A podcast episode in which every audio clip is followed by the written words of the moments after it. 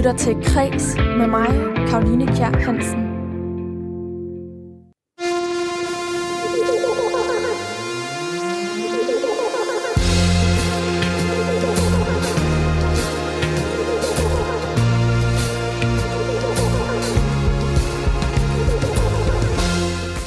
Gode kunstnere låner, men de rigtig gode, de stjæler. Sådan sagde den spanske kunstmaler Picasso engang.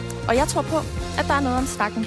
For jeg er simpelthen helt overbevist om, at forbilleder de er essentielle for at kunne skabe en hvilken som helst form for fremdrift. Normalt så er jeg tilrettelægger her på programmet, men de første to uger af sommerferien, så er jeg afløser for mig halv.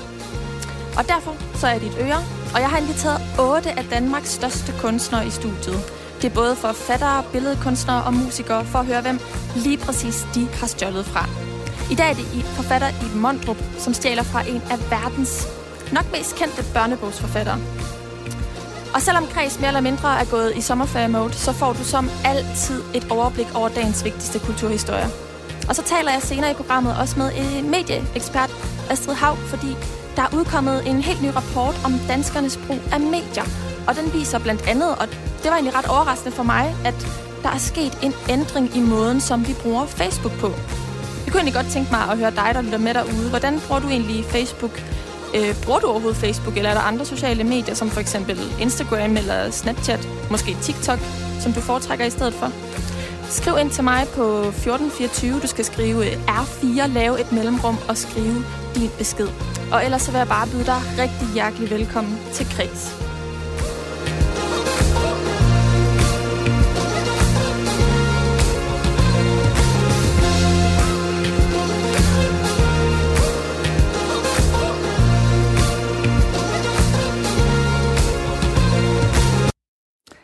Og vi begynder med kort nyt fra Kulturfronten. Fordi den danske islandske kunstner Olafur Eliasson, han vil gøre børn til aktivister med nyt klimalegetøj. Det skriver politikken, og det lyder jo sådan lidt spøjst, synes jeg. Men altså i dag, så har han lanceret den her app, der hedder Earth Speaker, som giver børn verden over mulighed for at lægge stemme til små animationer af deres omgivelser, som for eksempel træer, vandpytter, appelsiner, ja, faktisk hvad som helst. Og Olafur, han har altså skabt den her øh, app, som også beskrives som et interaktivt kunstværk, fordi at han vil forstærke og give børnenes idéer, tanker, bekymringer og håb for jordens fremtid og tilstand en stemme i klimadebatten. Samtidig så skriver han også, at det her det er en øh, invitation til de voksne, nutidens beslutningstagere og ledere til at lytte til, hvad børnene de egentlig har at sige. Man kan nemlig få adgang til de her animationer med børnestemmer, hvis man logger ind på den hjemmeside, der hedder www.earthspeaker, og det er altså uden et e, det vil sige Earth Speaker, s p e a k r.art, A-R-T. Og øhm, det har jeg prøvet at gøre, og så lyder det blandt andet sådan her fra en orkidé ved Vallensbæk Strand. Hej, jeg hedder Blomsti, og jeg vil gerne vandes. Kom nu! På et tidspunkt så vil universet i Earth Speaker også blive til en udstilling. Og appen, den kan blandt andet hentes i Apples App Store. I dag så fylder Øresundsbroen mellem Danmark og Sverige 20 år. Og det er altså ikke bare en fejring for muligheden for at købe billig slik. Det er faktisk også en fejring af muligheden for at skabe kultur sammen på tværs af nationer. For eksempel den her, i mine øjne, ret gode serie. Hold kæft, det er lang tid siden. Ja, det är ett år och en månad sedan. ja. Har du och Mette fortfarande sex fast ni inte bor ihop? Nej. Hur klarar du det? Förut hade du sex med folk hela tiden. Giv mig lige en eneste grund til, hvorfor du godt vil vide det. Att vi pratar ju om det. Nej, nej. Du taler om det. Ja, Ja, nu synes jeg, du skal holde op med at tale om det. okej. Men om... Saga.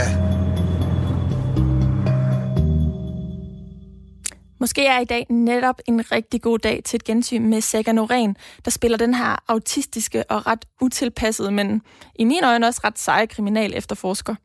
Jeg er i hvert fald ikke den eneste, der er fan af den her serie, fordi rettighederne til serien den blev solgt til flere lande, blandt andet engelsk og øh, fransk, som den så er blevet øh, genindspillet på de her sprog. Og øh, lurer mig, om serien den ikke også har haft ret stor betydning for turismen her i landet. Jeg har i hvert fald mødt flere i udlandet, når jeg har været på ferie, som ikke bare kender til Danmark på grund af den her serie, men som simpelthen også er taget hertil for bare at se Øresundsbroen. Grøn koncert er aflyst, men i stedet så flytter Grønnere Grøn, som er dem, der arrangerer Grøn Koncert, musikken hjem til danskerne i form af sådan nogle store live-navne som Mads Langer, Medina og også dem her. I waited all summer for this. I waited all summer. I really wanna sign up for this. You know that I love you. I waited all summer for this. Den 25. juli så vil de forsøge at skabe Danmarks største havefest. Og lige nu så smider de 100 ekstra koncerter i puljen med nye og lovende kunstnernavne, som man kan vinde, hvis man gerne vil hoste en af de her koncerter den 25. juli. Det eneste, man skal gøre, det er faktisk bare at sige ja til at være vært for en af koncerterne, besvare et par spørgsmål, og så øh, ønske blandt de mere end 100 artister, som har sagt ja til at spille rundt omkring i det danske sommerland den 25. juli. Og øhm, alle steder kan bruges, det skriver Grønner og Grøn selv i pressemeddelelsen, og der vil være råd og vejledning til at overholde myndighedernes krav til afstand, hygiejne og med videre. Og øhm, det hele, det sker ind på grønnerogrøn.dk. Og nu skal det altså handle om udsendelsens hovedperson, Iben Mondrup. Han er lige startet i skolen, og hun er frygtelig interesseret i ham. Allerede den tredje dag, Christian er i skole, har hun ham med hjem. Det er tidligt på dagen, og de har lige fået fri. Huset er dejligt stille. De har det hele for sig selv. Vent her, siger hun til Christian, der står med tasken hængende halvt ned ad ryggen. Jeg kommer lige om lidt. Hun skynder sig ud på lokummet. Bagefter løber de sammen op af trappen til værelset. Så snart de er inde på værelset, smækker hun døren i og låser. Nu er værelset deres eget. Når de tumler rundt uden tøj på inde i dynebetrækket, som de har tømt for dynen, bliver hans hud endnu blødere, fugtig og fuld af modstand. Og håret bag ørerne krøller endnu mere, fordi han sveder. Stykket her, det var det allerførste, som Iben Mondrup hun skrev på romanen Godhavn. Og Iben Mondrup, hun er en af de otte kunstnere, som jeg har inviteret i studiet, for at finde ud af, hvem hun egentlig har stjålet fra. Fordi altså de gode kunstnere, de låner, men de rigtig gode, de stjæler, som Picasso han engang sagde. Og selvom Iben Mondrup hun tidligere i år udgav romanen Tabita, som altså fik blændende anmeldelser, og en anmelder sågar blev udnævnt som årets læseoplevelse, så er det romanen Godhavn, som hun lige læste lidt højt af her i klippet før, som hun egentlig selv mest er stolt af. Og den her roman, den handler om tre børn, der bor på Grønland, ligesom hun også selv gjorde, for der voksede hun op. Og det var faktisk også den, som tilbage i 2014 sikrede hende et gennembrud, og DR's romanpris i 2015. Og jeg synes altså, at den her roman, den er rimelig meget øh, kreds, hvis man kan sige det sådan. Og øh, her pendulerer jeg lige over til en lille besked, vi har fået fra Inger. Hun spørger mig, hvad programmet egentlig hedder. Hun kan ikke helt forstå, hvad jeg siger, om det er kreds, altså med EDS eller med A, og det er altså med A, som i sådan noget rigtig lækkert noget kreds. Så Inger, du kan bare gå ud og fortælle alle, at kreds er kreds for ørerne. Og nu vender jeg lige kort tilbage til Iben Mondrup igen, eller faktisk ikke kort, længere tid, fordi vi skal dykke ned i hendes forfatterskab og hvem hun egentlig stjæler fra for at blive så gode. Fordi det er ikke så mærkeligt, at Iben hun egentlig har haft ret meget succes med den her øh, roman, fordi hun har stjålet fra en af verdens dygtigste børnebogsforfattere, hvis du spørger mig. Jeg er i hvert fald kæmpe fan af hende selv den dag i dag, fordi hun har skabt hende her. Her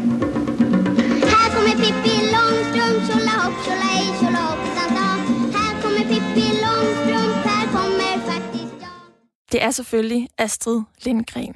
Jeg tror ikke, jeg kan sige, at jeg har stjålet lige præcis det her stykke fra Astrid Lindgren, men jeg har stjålet det at skrive så, øh, hvad kan man sige, så tæt på barnets øh, oplevelsesverden, som hun gør. Det, øh, det er noget af det, som har været meget, meget inspirerende for mig, når jeg som barn og som voksen har øh, enten fået læst Astrid Lindgren højt, eller selv har læst hende, det er det, at, øh, at hun simpelthen kan skrive så troværdigt inde fra barnets øh, verden, at man kan mærke det i sig selv, og man ligesom får de der associationer til sin egen barndom. Ja, og foran der ligger øh, Astrid Lindgrens øh, Brødrene Løvehjerte. Ja. For det er jo lige præcis den, som du særligt har stjålet fra. Hvorfor er det egentlig lige Astrid Lindgren og ikke en anden ikonisk øh, børnebogsforfatter, som altså for eksempel øh, Ole Lund Kirkegaard? Der er noget omkring Astrid Lindgrens univers, som er som også er romantisk, som er, øh, øh, hvad kan man sige, ja, hele det der eventyrlige, øh, absolut ikke socialrealistiske, og så alligevel, men det er alt sammen pakket ind i sådan en fantasiverden, sådan en, det har sådan en flavor, som, øh, som gør det meget, meget øh, tiltrækkende for mig. Og så er det også det her med, at hun simpelthen hun tør skrive om de svære emner. Altså for eksempel også dødsfald. Øh, Tvebak, som er Jonathans lillebror i Brødrene Løvehjerte, øh, dør jo. Og det er jo en fortælling om det sted, hvor de drenge kan blive ved med at være sammen, de to brødre. Og øh, jeg har også gerne selv ville skrive om de der tabuer, øh, som, som, øh, som man tror, man skal beskytte børnene imod. Altså for eksempel dødsfald. Der er jo også dødsfald i Godhavn. Øh, Bjørks venindes lille søster bliver skambit og dør. Øh, hun bliver skambit af hundene. Øh, og det er jo en del af livet. Det lyder meget banalt at sige. Det er super banalt. Men, øh, men det er også en del, det er i høj grad en del af børnelivet. Og hvis børn får lov at gå med det selv, uden at have steder, hvor de sådan kan øh, genkende de der følelser og oplevelser, så, øh, så, så bliver det ret ensomt. Jeg tror, vi skal, vi skal ikke være bange for at involvere børnene i de store, vigtige ting i livet. Ja, og Astrid Lindgren, hun kan jo også det, at hun tager nogle enormt alvorlige emner op og bringer dem ind i børnenes verden. Og øh, det gør du jo faktisk også lidt. Astrid Lindgren, hun skriver blandt andet om døden. Hun i tale sætter det, men du i tale sætter i høj grad barnets begær, mm. altså barnets seksualitet. Og faktisk, Godhavn begynder jo med, at det bliver skildret i prologen. Vil du lige læse et stykke højt derfra? Det vil jeg. Hun lukker en dør bag sig. Vi er alene, siger hun. Så hvorfor visker jeg egentlig? Hun taler til ham, som også er i rummet. Han virker restløs, som om han gerne vil ud. Så lægger han sig ned på dynen. Har du lukket øjnene, spørger hun. Inden han svarer, sætter hun sig ved siden af ham. Hun skubber til ham. Hun kravler op på ham og sætter sig over skrevs på hans mave. Hun spreder lårene, lader sig falde frem efter og tager med hænderne fat i dynen, som hun klemmer tæt sammen om hans ansigt. Jeg har fanget dig. Ja, det er... Øhm, og det har faktisk også virket lidt anstødeligt på nogen, det at jeg skriver øhm, om barnets begær. Men jeg tror, det er rigtig vigtigt, at vi tør nærme os det der barnebegær og forstå, at det jo ikke er et seksuelt begær, som det voksne begær er. Det er, det er begær efter det største stykke kage, eller at noget skal kilde i kroppen, eller altså det er sådan, det er, det er langt mere, øh, ikke diffust, men det retter sig imod alle mulige ting. Så det er et helt andet begær end det voksne. Øh, men jeg oplever faktisk meget øh, i de sidste par årtier her, at vi bliver mere og mere bange for, bar- for børns kropslighed. De må ikke være nøgne, for eksempel. Øh, vi må ikke se nøgenbilleder af børn. Vi er enormt bange for sådan noget, som hedder pædofili, for eksempel. Ikke? Øh, og der bliver regler for, hvordan vi skal indrette vores øh, børneinstitutioner, sådan så, øh, så børn ikke for eksempel er alene og klæder sig af sammen og gør ting med hinanden. Øh, der har jeg gerne ville skildre det der naturlige børnebegær, fordi det er, det er, det er jo livslyst. Det er lysten til at indtage livet på alle mulige måder øh, også med kroppen. Og det er vigtigt for voksne at blive mindet om. Ja, det tror jeg. Men jeg har siddet nogle gange, når jeg har holdt øh, foredrag, og så er der folk, der har spurgt, sådan, hvorfor skriver du om det? Det er jo, det er jo underligt. Hvor jeg sådan må sige, jamen synes du det er underligt? Har du ikke oplevet noget tilsvarende? Og det er der mange, der ikke, der ikke kan huske, at de har. Men det tror jeg nu nok, vi har. Fordi lad os, øh, lad os bare huske på, at det første, som barnet oplever, det er, at det får et bryst i munden. Øh, og det er lystbetonet, og det er mad, og det er tryghed, og det er varme. Så jo, børnelivet er fuld af den slags øh, begærlige oplevelser. I Godhavn, der øh, skildrer du også verden fra tre børn. Vi følger øh, Bjørk, Knut og Hilde. Mm. Astrid Lindgren, hun skriver jo øh, om øh, børn til børn, men du skriver om børn til voksne. Hvorfor har det været vigtigt for dig at stjæle det her greb med at skildre fra børn, barnets synsvinkel og øh, putte det ind i voksenlitteraturen? Det er vigtigt, fordi jeg synes, at, øh, at vi skal huske på vores barndom. Det, der er øh, i barnetilværelsen, og det, der er øvelsen, når man skal skrive fra et barnesynspunkt, det er at øh, skildre øh, oplevelserne umiddelbare, sanselige og øh, med stor følsomhed. børn, de er jo meget dramatiske. De er jo langt mere dramatiske, end vi voksne er. De bliver hurtigere ulykkelige, de bliver hurtigere lykkelige igen. Altså, det er sådan, sådan op- og nedtur øh, i løbet af en dag. Øhm, hvor voksne er meget mere sådan sandrægtige, og de er, langt, de er sådan mere træge i deres øh, måde at føle på. Øh, og jeg tror, vi som voksne ha, kan have glæde af at, øh, at huske på det der spontane, på det umiddelbare, på det, som, øh, som er stort og, og voldsomt i følelseslivet, øh, uden at det er farligt. Ja, det synes jeg er rigtig interessant, det her med øh, det sanselige, fordi du skriver jo helt vildt sansligt, og er også særlig kendt for at skrive sansligt. Og det lægger sig jo også meget til børnenes verden. Barnet er umiddelbart sansligt. Øhm, men barnet har jo ikke øh, samme sprog, som du har som voksen til at beskrive den her sanslighed. Hvordan arbejder du med børneuniverset? Jamen, i, i højere grad end at lade børnene tænke, øh, så lader jeg dem bevæge sig. Øh, jeg lader dem bruge deres kroppe og opleve med kroppen, altså noget, der kilder. Altså her for eksempel på Bjørk. Han, hendes legekammerat dufter godt. Altså, han har den der svedlugt, og det lægger hun mærke til. Og hun lægger mærke til, at øh, hans hud bliver fugtig, øh, men hun reflekterer ikke over, at hvad det er, andet end at det føles rart. Øh, så jeg tror, når man skal skrive fra et barnesynspunkt, det er i hvert fald, hvad jeg sådan kan, kan se virker, så skal man øh, barbere alt det der, øh, det der hoved, det der overreflektion, det skal man barbere ud, og i højere grad blive nede i sansningerne, altså i det, der er øh, oplevet med kroppen. Det er en ting, og en anden ting, så skal man også turde øh, føle, altså de der, man skal kunne skrive de der store følelser frem. Øh, og mange store følelser for børn er jo også kropslige. Det kilder i maven. Det betyder det, at man er lykkelig, eller at, at man er glad, eller spændt, eller hvad det nu er, eller øh, det brænder, det brænder i maven af raseri. Øh, så det er også en måde at gøre det på.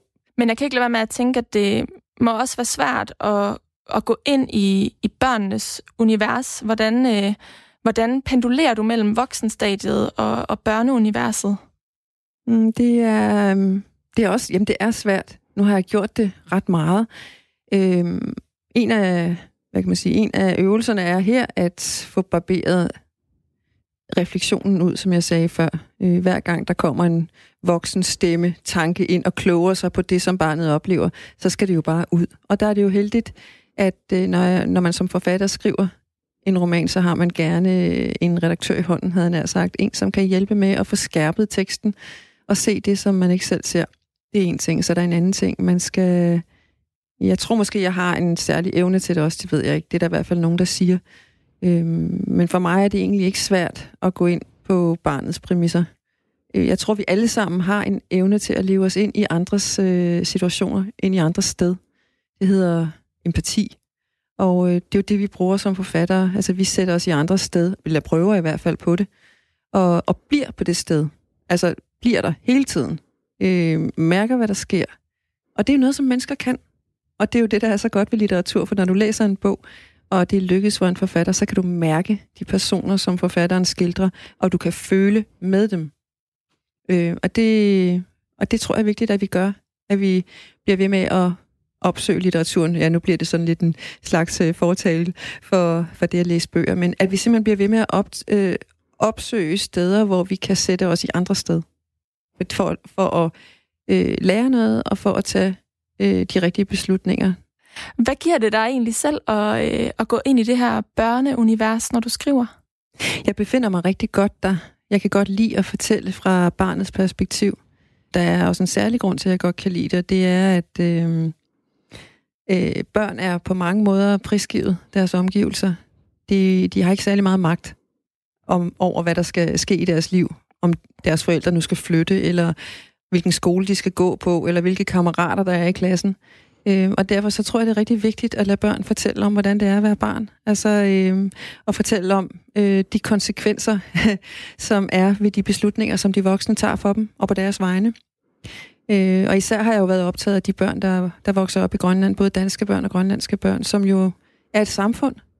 Det grønlandske samfund er et hårdt samfund på mange måder, og det er et samfund, hvor der har været forskelsbehandling på grønlændere og danskere, og kultursammenstød, kan vi sige sådan lidt populært. Og det er jo noget, som børn mærker rigtig meget. Altså, de mærker jo, at de er anderledes end de andre, føler sig forkerte og føler sig ovenpå eller føler sig under. Øhm, Og det synes jeg faktisk, vi fortjener, eller det børnene fortjener, at vi hører, hvordan det er at være børn under nogle politiske omstændigheder, som de virkelig ingen indflydelse har på.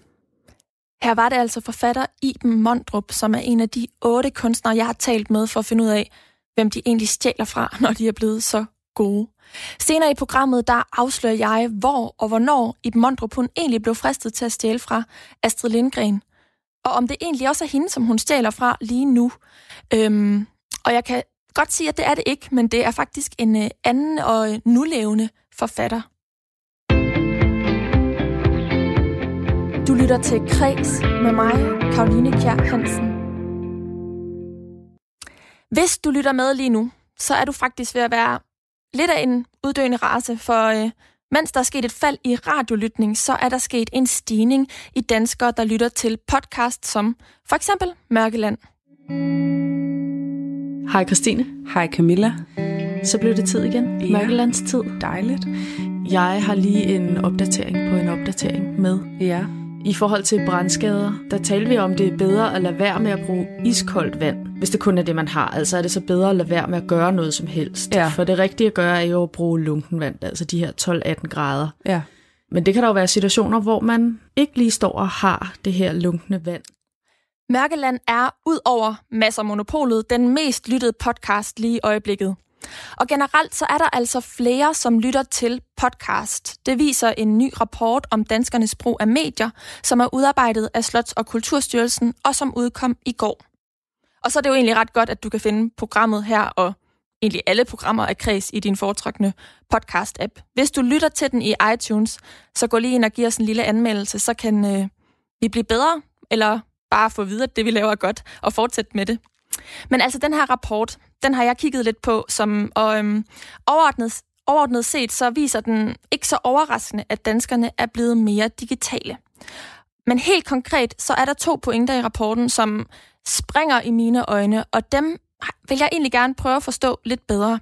Så derfor kan jeg nu byde velkommen til dig, Astrid Haug, kommunikationsekspert. Velkommen til. Mange tak.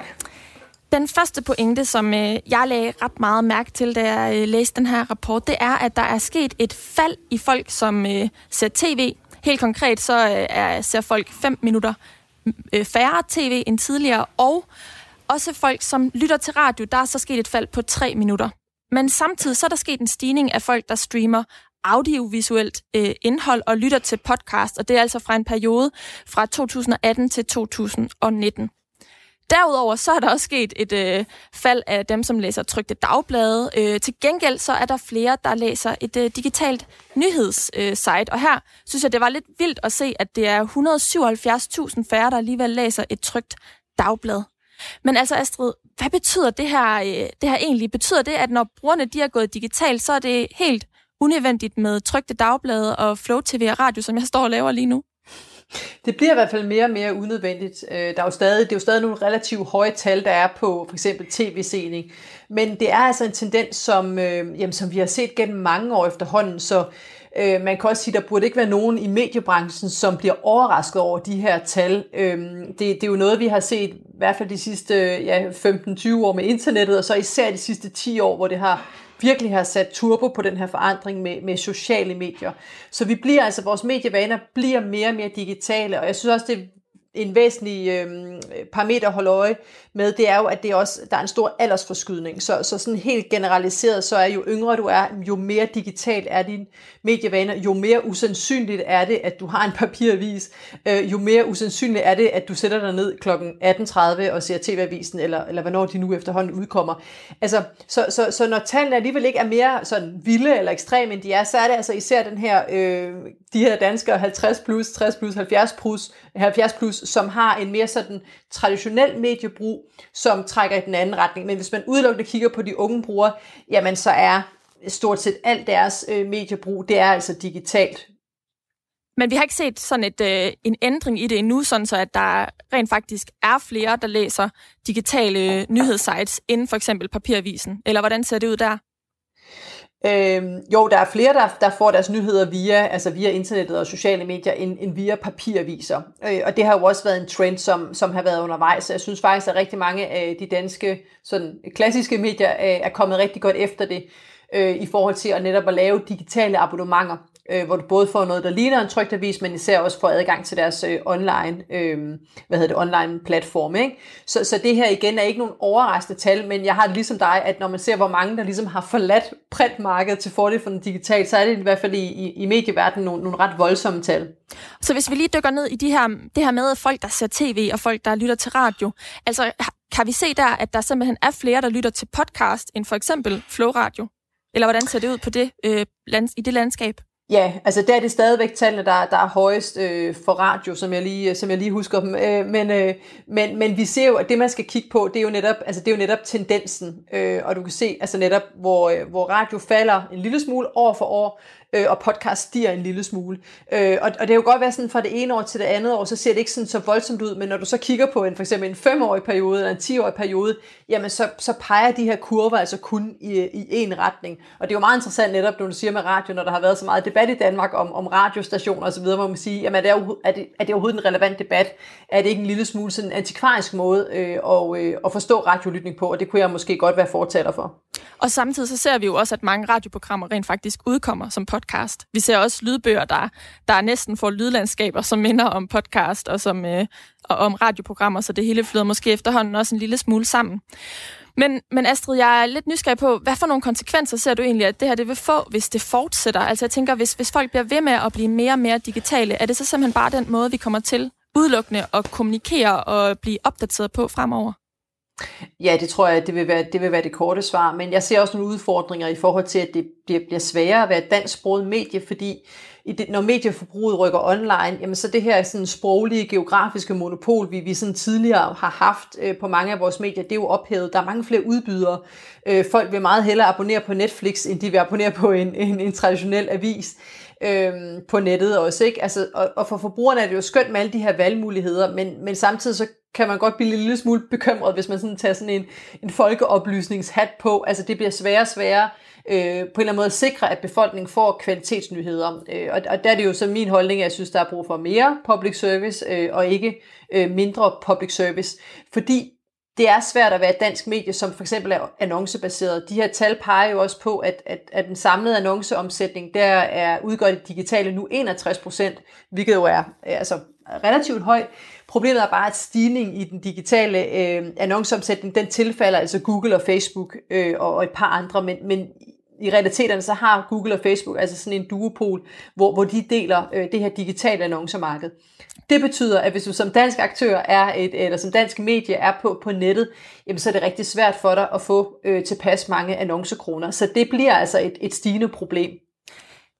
Det her, det er den ene pointe, som jeg synes var ret interessant. Og nu nævner du selv Facebook, og det er faktisk øh, det andet, jeg lagde mærke til, det er faktisk en øh, ting, der vedrører øh, Facebook. Og der har jeg skrevet ud og spurgt øh, jeg lytter, hvad, hvordan I egentlig bruger Facebook, om I overhovedet øh, bruger Facebook, eller om I bruger andre sociale medier, som for eksempel øh, Instagram, eller Snapchat, eller måske TikTok, øh, og hvorfor I egentlig bruger de her medier. Jeg vil stadig gerne have beskeder fra jer. Skriv ind til mig på 1424, skriv R4, lav et mellemrum og skriv din besked. Og Inger, hun har allerede skrevet ind og spørger, er man ydt, hvis man læser tre aviser hver dag og lytter til radio mere eller mindre hele dagen? Og jeg ved ikke, hvad du vil sige, Astrid, men det tænker jeg, fra mit perspektiv, er man i hvert fald ikke ydt, hvis man lytter til radio ej, hele ej, dagen. Ej, jeg vil sige, altså jeg tænkte umiddelbart, altså man er mega cool, man er en god samfundsborger, og der, jeg vil også sige, der er sådan en niche inden for sådan noget lidt retro, altså hvor man finder pladespilleren frem igen, og du skal også se unge mennesker en gang imellem med en papirvis. Det sender nogle signaler. Så, så for guds skyld, hold, hold endelig fast i det. Men man skal nok være klar over, at der er en verden derude, hvor, hvor hvor størstedelen af de andre, de ikke har den samme medieadfærd. Og det kan jo i forskellige sammenhænge lige være godt at blive mindet om, at der netop er, øh, at, at man altså er et, øh, en lille minoritet, der har den øh, type medieadfærd. Men for guds skyld, hold da fast til det. Helt enig. Men altså den anden pointe, den vedrører den måde, vi bruger Facebook på. Fordi i den her rapport, der står der også, at andelen af ugentlige Facebook-brugere, som laver opslag, er faldet. Men til gengæld så er andelen, der benytter Facebooks Messenger-funktion, steget. Og det, det lader jeg lidt ret meget mærke til, fordi jeg bruger selv primært øh, Facebook og en lille smule øh, Instagram, og jeg ser altså masser af daglige opslag på Facebook. Men Astrid, hvorfor ser vi egentlig overordnet den her ændring? Ja, det er meget interessant. Jeg, jeg sad på et tidspunkt faktisk med, med en journalist, som, hvor jeg skulle ind og kigge på hendes Facebook-feed, og, og det, der var så interessant at se, det var, at hver gang der var et, et rigtigt opslag fra et menneske, altså som ikke var en annonce eller en virksomhed, så var det nogen øh, over 40. Altså, så, så du kan sådan ligesom, nu, nu er jeg selv lige krydset de 40, ikke? så jeg kan godt tillade mig at generalisere lidt. Så du ser typisk, at, øh, at, at sådan, øh, folk, der har måske har været på Facebook øh, i mange år siden starten, de bruger den stadig i højere grad det her med at lave et opslag, og så kan alle folk gå ind og like og kommentere og tillykke, eller nej, hvor det er ærgerligt osv. Yngre mennesker, de bruger det især sådan lidt mere, øh, lidt mere anonymt. De, de har ikke lyst til at dele, øh, hvad de går og laver med, med, med hvad hedder det, øh, fædre, kusiner og, og mor og far og skolelærer osv. Så, så de bruger især øh, messenger-funktionen, de bruger rigtig meget gruppefunktioner, øh, og så bruger de altså også den her stories-funktion, som er sådan lidt mere umiddelbar, hvor du lægger noget indhold op, og så forsvinder det igen efter 24 timer. Og det er også noget, der er meget populært på Instagram. Så, så der igen er der noget her med generationerne, der bruger de her sociale medier øh, forskellige. Så der kunne jeg godt være lidt fræk at sige, hvis man er sådan en type, der lægger et opslag på Facebook hver dag, ja, så, så er det en lille smule ydt. så er den sat på plads. men, men Astrid, der er jo kommet en masse nye medier til. Der er blandt andet øh, TikTok og Snapchat. Altså, er de i virkeligheden ved at udkonkurrere øh, Facebook, eller hvordan, hvordan kan vi forholde os til den her øh, ændring af, af adfærden på, på Facebook? Øhm, er det fordi, at Facebook er ved at blive mindre, eller er det bare fordi, vi ændrer adfærd? Jamen altså, vi ændrer adfærd også i takt med, at der kommer nogle nye, nye muligheder for at, at netop at, at dele, nogle, altså dele på nogle andre måder. Øh, og så er der jo også noget med, det der var cool for fem år siden, jamen det er ikke cool længere. Så, så de her øh, især yngre mennesker har ikke lyst til at kopiere den måde, som deres mor og far bruger sociale medier på. De vil gøre det på nogle nye måder. Og det har vi jo netop set, at Snapchat har været de unges øh, foretrukne sociale medier, og TikTok også er ved at gøre det. Jeg faldt over et andet tal, som netop var, at de, øh, de 12-18-årige streamer mindre mm. øh, end de gjorde tidligere. Og det var sådan lidt, det vil man jo bare tro, det er et tal, der stiger og stiger. Min egen lille øh, teori er, at det måske skyldes, at de så har hoppet op på TikTok i stedet for som jo mere bliver beskrevet som social medier, og ikke streaming, ligesom øh, YouTube. Så, og det er også derfor, når jeg arbejder med de her ting, bruger jeg ekstremt meget tid på at undersøge, hvordan er de unge mennesker bruger det, fordi hvis du snakker med nogle voksne i dag, så kan de sige, at det der TikTok, det kommer jeg aldrig på. Hvor jeg tænker, jamen det kan godt være om, om to år eller om fem år, så er du også på TikTok, fordi det var det samme, man sagde dengang med Facebook og Instagram. Øh, at det, det var noget, som, øh, som vi overlader til de unge. Så det er især de her yngre generationer, der hele tiden skubber den her brug. Øh, og lige for tiden, eller i de seneste mange år, så er, har Facebook øh, været, været ydt, og hvis du snakker med, med en teenager, så plager de ikke om at komme på Facebook, øh, eller en, en tween, så plager de netop om at komme på TikTok og Snapchat, måske Instagram. Så, så den her øh, forandring af Facebook og brugen af det, den har altså været længe undervejs, men jeg synes, det er interessant, at vi nu har nogle danske tal, som rent faktisk også viser, at den her brug, den, den forandres over tid. Ja, det bliver spændende at se, hvor at, øh, de unge de søger hen næste gang. Tusind tak, fordi du var med her, Astrid Hav, kommunikationsekspert. Selv tak. Du lytter til Kres med mig, Karoline Kjær Hansen. Her. Dit honningvand, Tibak. Jonathan, jeg er bange. Jeg vil ikke til Nangiala. Jeg vil være her hos dig. Men jeg kommer jo også til Nangiala, når den tid kommer. Når den tid kommer, ja.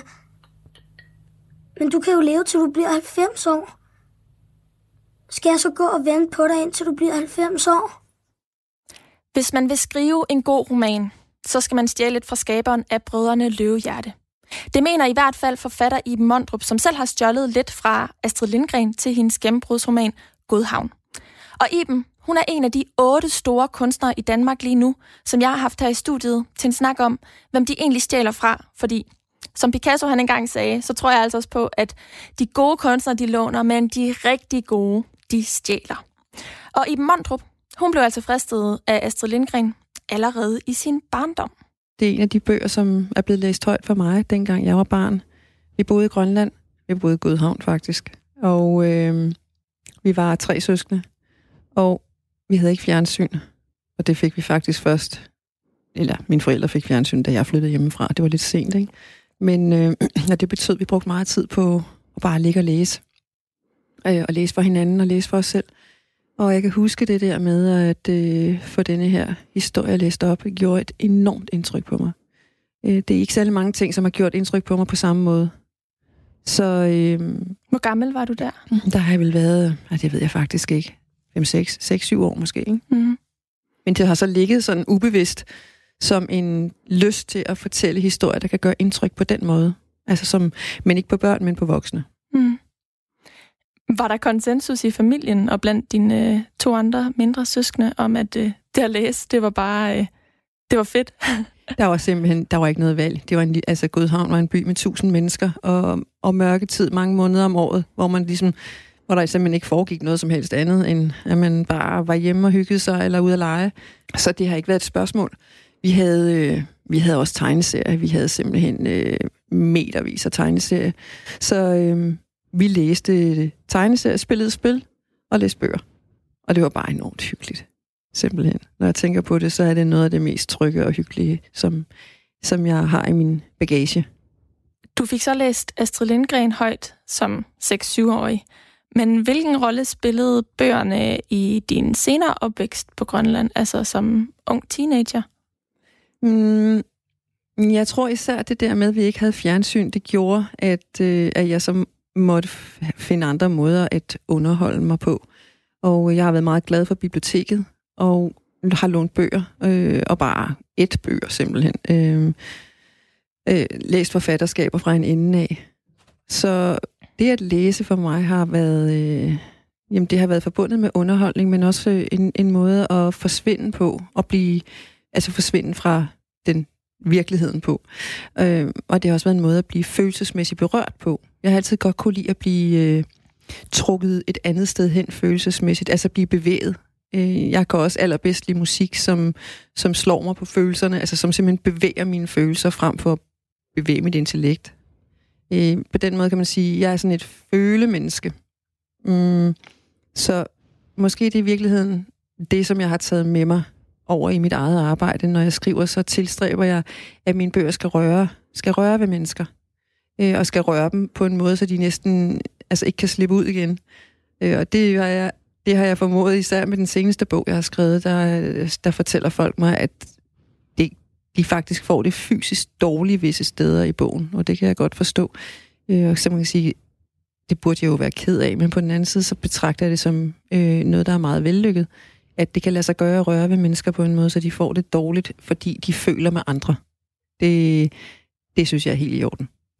Ja, og din seneste bog hedder jo Tabita, som udkom i, i år. Øhm, men en ting er jo at læse og øh, på den måde øh, forsvinde ud af, af den her af en verden, men jeg kan ikke lade være med at tænke, at det kan også være lidt øh, svært at være et følende menneske, måske hvis ens omgivelser ikke øh, accepterer eller rummer det, og der kan, der kan kan læsningen også være en, være en vej ud et sted, hvor at, at følelserne gerne må være? Ja, præcis. Der må følelserne gerne være, men det er også noget med at finde ud af, at andre føler noget, der minder om det, som jeg føler. Der er noget genkendelse på færre også, som er rigtig vigtigt. Øh, og som jeg tror især er vigtigt i sådan i, øh, i en opvækst, at man har muligheden for at opleve, at, at andre har været her før, og at det ikke er farligt, eller at det går over, eller at store følelser findes, jeg er ikke mærkelig, fordi jeg har dem. Øhm, men ja, du har da ret. Altså det, det at læse er også at komme et andet sted hen, øh, eventuelt væk fra det, som er svært. Og det er jo i virkeligheden der, når, der hvor litteraturen er allerfinest, når at, øh, den formår at skabe den her genkendelse, fordi den kan jo i sig selv være, være helende. Ikke fordi, at man skal være traumatiseret eller særligt udsat, men, øh, men alle kan jo gå med følelsen om at øh, føle sig anderledes eller forkert i forskellige sammenhænge. Ja. Hvad for nogle bøger læste du som, som teenager? Kan du huske det? ja, altså jeg læste jo simpelthen bare de der, øh, jamen det var på biblioteket i, kan jeg vide, om det var i Nuuk, eller om det var i Gud, om det har været i Nuuk. Der læste jeg jo altså alle de fem bøgerne, og de tre detektiver, og så gik jeg i gang med at læse Tolkien selvfølgelig også, og øh, Den uendelige historie, altså noget, som havde sådan et fantastisk element også, var jeg ret glad for. Øh, men jeg kunne godt lide serier. Jeg kan godt lide det der med at blive med de samme personer øh, længe, meget længe. Øh, og så læste jeg tegneserier. Sådan nogle voksne tegneserier, som jeg synes var enormt spændende, men som og de var også spændende, fordi de netop turde sådan bevæge sig ind på hele det der tabuiserede felt omkring kroppen. Og sådan, der, ja, der var...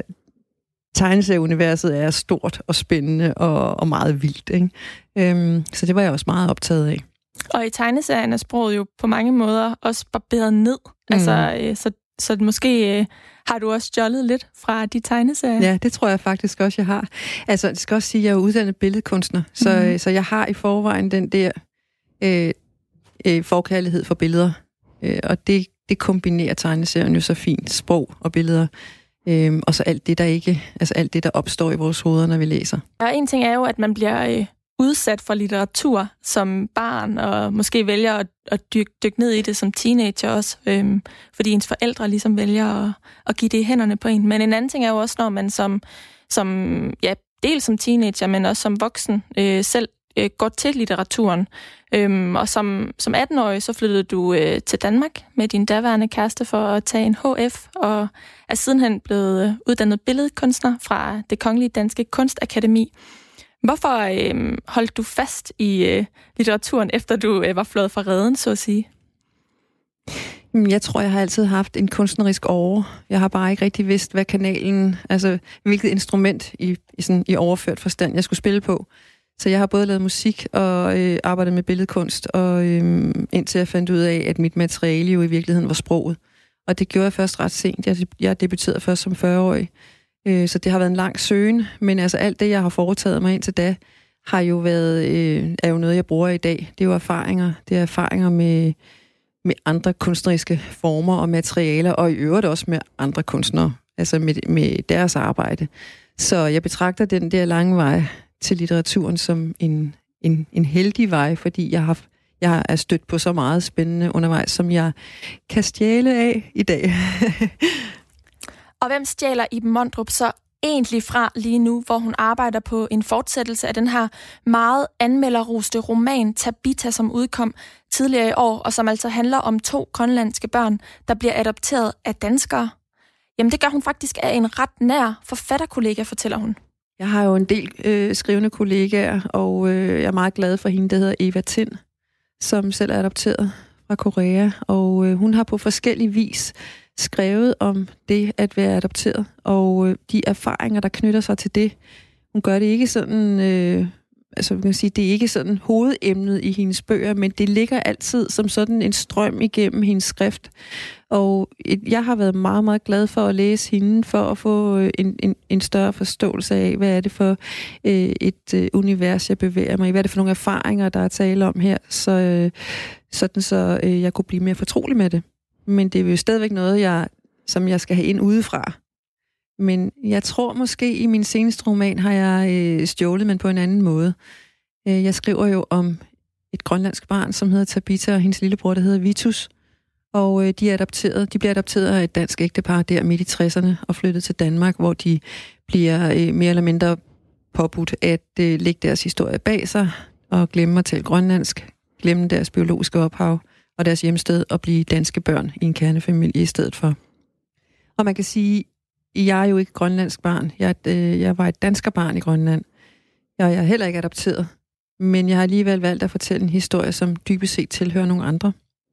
Og det er noget, vi meget øh, snakker meget om i kunstnerkredse i dag, det der med, at, øh, at man, hvem har retten til at fortælle historierne. Og øh, lige netop, når det handler om Grønland, så er øh, i Grønland er man jo blevet portrætteret og blevet fortalt om igennem århundreder af eventyr og polarfarer, som har skrevet lange digre værker om, hvordan og grønlanderne var og opførte sig og så ud, og meget ofte på sådan en lidenflatterende måde, ikke? fordi det var jo vigtigt i den sammenhæng, at grønlænderne de var primitive og nærmest ligesom dyr, og øh, du ved, sådan som man omvendt kunne sige, at europæerne, det var sådan nogle farlige, flotte folk, ikke? Så hvad vil det sige faktisk at gå ind og fortælle en historie, som ikke tilhører mig? Øh, det har jeg følt lidt, at jeg var ude i et felt, hvor, hvor der godt kunne være tale om noget tyveri. Øh, men for ligesom at bløde op på den der, det der tyveri, som jeg havde en lille fornemmelse af, jeg lavede, så, så fortæller jeg Tabita-romanen og Tabitas historie gennem flere synsvinkler. Mm. Og jeg helliger en tredjedel af bogen til den danske adoptivmor, for også at, eller for at fortælle fra den side også. Og på den måde, så bliver historien, i, i stedet for udelukkende at være en adoptionshistorie, en tragisk adoptionshistorie, så bliver det en historie om øh, forventninger, kærlighed, følelser, men det bliver også en, en historie om Grønland og Danmark på et sådan lidt mere overordnet plan. Altså på den rolle, som danskerne havde i Grønland, og på den rolle, som grønlænderne havde i deres hjemland. Øhm, så det har været vigtigt for mig, at der faktisk ikke var tale om tyveri, men om at fortælle en historie øh, på forskellige måder. Så du har både stjålet lidt fra Eva Tind, men så i høj grad også fra virkeligheden. Ja. Du arbejder på en fortsættelse af Tabita, som er øh, den her grønlandske pige, vi følger, som du siger, der netop bliver adopteret af en dansk familie, som har bosat sig i Grønland i 1960'erne. Og jeg synes, det er lidt interessant, at du vender tilbage til det her med grønlandstematikken.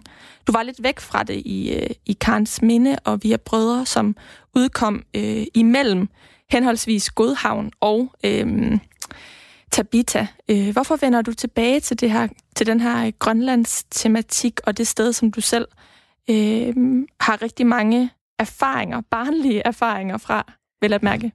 Ja, jeg tror faktisk, det er vigtigt, det her med de barnlige erfaringer.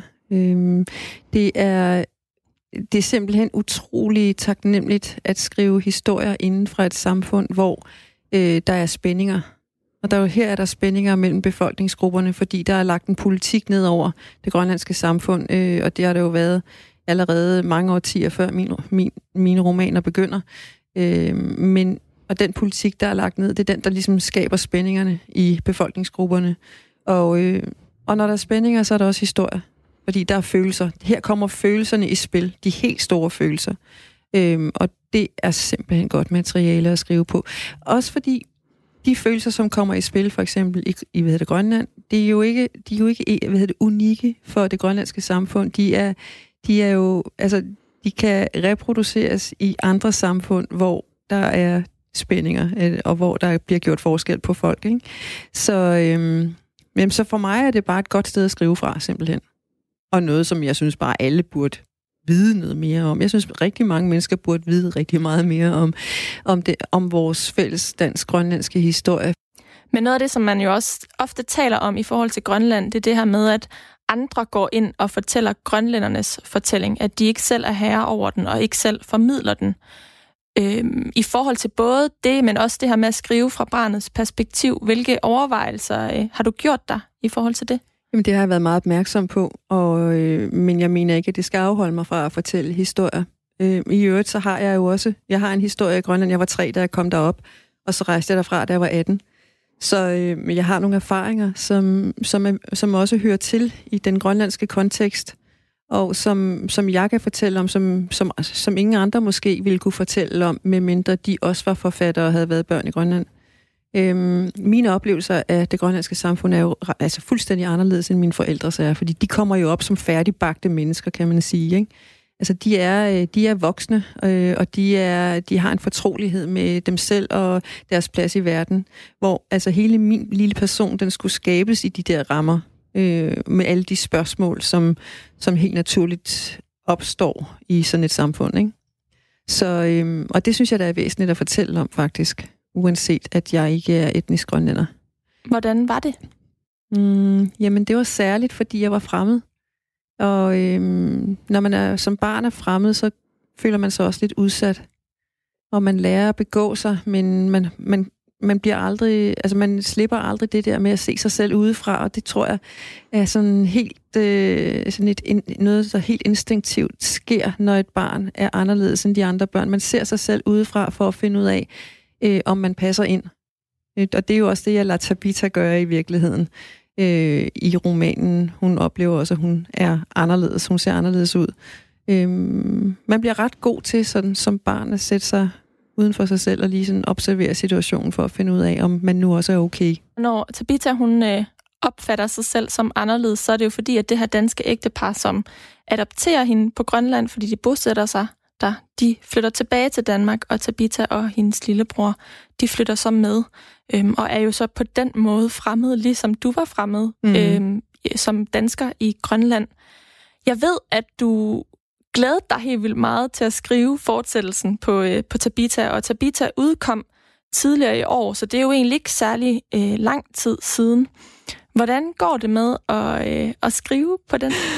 Ja, hvordan går det? Altså, øh, jeg er god til at skubbe det foran mig. Øh, lige nu, for tiden, der laver jeg samtaler og går rundt og tænker og læser. Læser, ja, faktisk meget apropos, læser andres bøger for at blive øh, inspireret for at få idéer. Øhm, så jeg er i gang med, jeg er på hugst, hvis vi skal sige det Ja. sådan. Du skal have, en, du skal have en, øh, et makker, en makker til øh, Eva Tind. og jeg, hvad hedder det, øhm, ja, så det er det, der sker nu, og så om ikke så længe, så skal jeg i gang med at skrive, og så ved jeg af erfaring, fordi det er jo, jeg har skrevet mange bøger efterhånden, at øh, så, kommer, så går der et stykke tid, hvor det er rigtig svært, indtil jeg ligesom er kommet ind i manuskriptet, og det begynder ligesom at arbejde selv. Og så skriver jeg, og det er dejligt. Men øh, al begyndelse er svært, og man skulle tro, det blev lettere og lettere, men, men øh, jeg vil citere en af mine kollegaer, øh, Pia Jul, som siger, hun synes bare, det bliver sværere og sværere. Øh, og det synes jeg også. Hvorfor så blive ved? Jamen, ja, der var en klog digter, der sagde, hvis man kan lade være med at skrive, så skal man lade være med at skrive. Det er ikke sjovt. Øhm, men jeg kan ikke lade være. Det er det, jeg kan. Jeg kan ikke andet. Øhm, eller det er det her, jeg er bedst til. Så det, det er ikke et spørgsmål længere. Der er også nogen, der spørger, jamen kræver det ikke en enorm selvdisciplin? Og så må jeg sige, jamen, der er jo ikke nogen, der tvinger mig til det her. Så øh, nej, det, jeg har sådan en slavepisker, øh, som, som bare går i gang. Det er ikke noget med selvdisciplin, det er bare at gøre det. Iben Mondrup, hun stjæler altså både fra afdøde og nu levende forfattere. Og hvis man går rundt med en forfatterdrøm i maven, så er det måske et godt sted at begynde. Altså med at læse de store forfattere. Måske Iben Mondrup selv, som den allerførste. Det her, det var alt, hvad jeg havde puttet i denne udsendelse af Kreds til jer i dag. Mit navn er Karoline Kjær Hansen, og jeg er tilbage igen i morgen, hvor jeg taler med billedkunstner Eske Kat, der stjæler fra en anden stor dansk, men afdød maler. Og øhm, i anledning af, at musikprogrammet i dag skulle være begyndt på Roskilde Festival, så vil jeg slutte udsendelsen af med en ny sang af Katinka og hendes mand Daniel Bukvald, som er en øh, hyldest til musikfestivaler og festerne, og bare faktisk et stort festivalsavn. Sangen den er skrevet ud fra et stramt 8 timers storme for øh, Roskilde Festival, hvor duen Bukvald skulle øh, skrive, komponere og producere sangen på sådan den her meget begrænsede tid, og øh, det gav en masse udfordringer for dem, men øh, det tvang dem også til at følge deres øh, intuition og øh, impulser, og bare ligesom skrive og lave sangen uden øh, forbehold og forfængelighed. Og jeg er egentlig nok selv mest til Katinkas mere sådan akustiske sange, men taget dogmet, dogmet i betragtning, så synes jeg, at de er kommet godt i mål. Her er det sangen på en pløjemark, som du får her. Rigtig god aften. Svømmer i det skarpe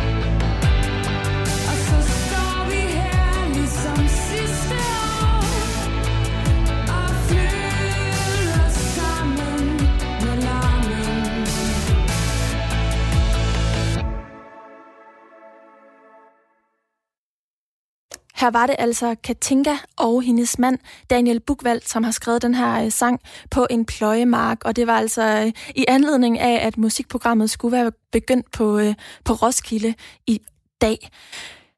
Husk, du kan altid lytte til hele programmet som podcast. Du kan lytte til det på vores øh, hjemmeside, du kan lytte til det i vores app eller inde i iTunes. Og hvis du lytter til det inde i iTunes, så gå lige ind og giv os en anmeldelse, fordi det er simpelthen en måde, vi ved, om vi gør det rigtigt på. Du kan også skrive en mail til mig på kreds radio4.dk.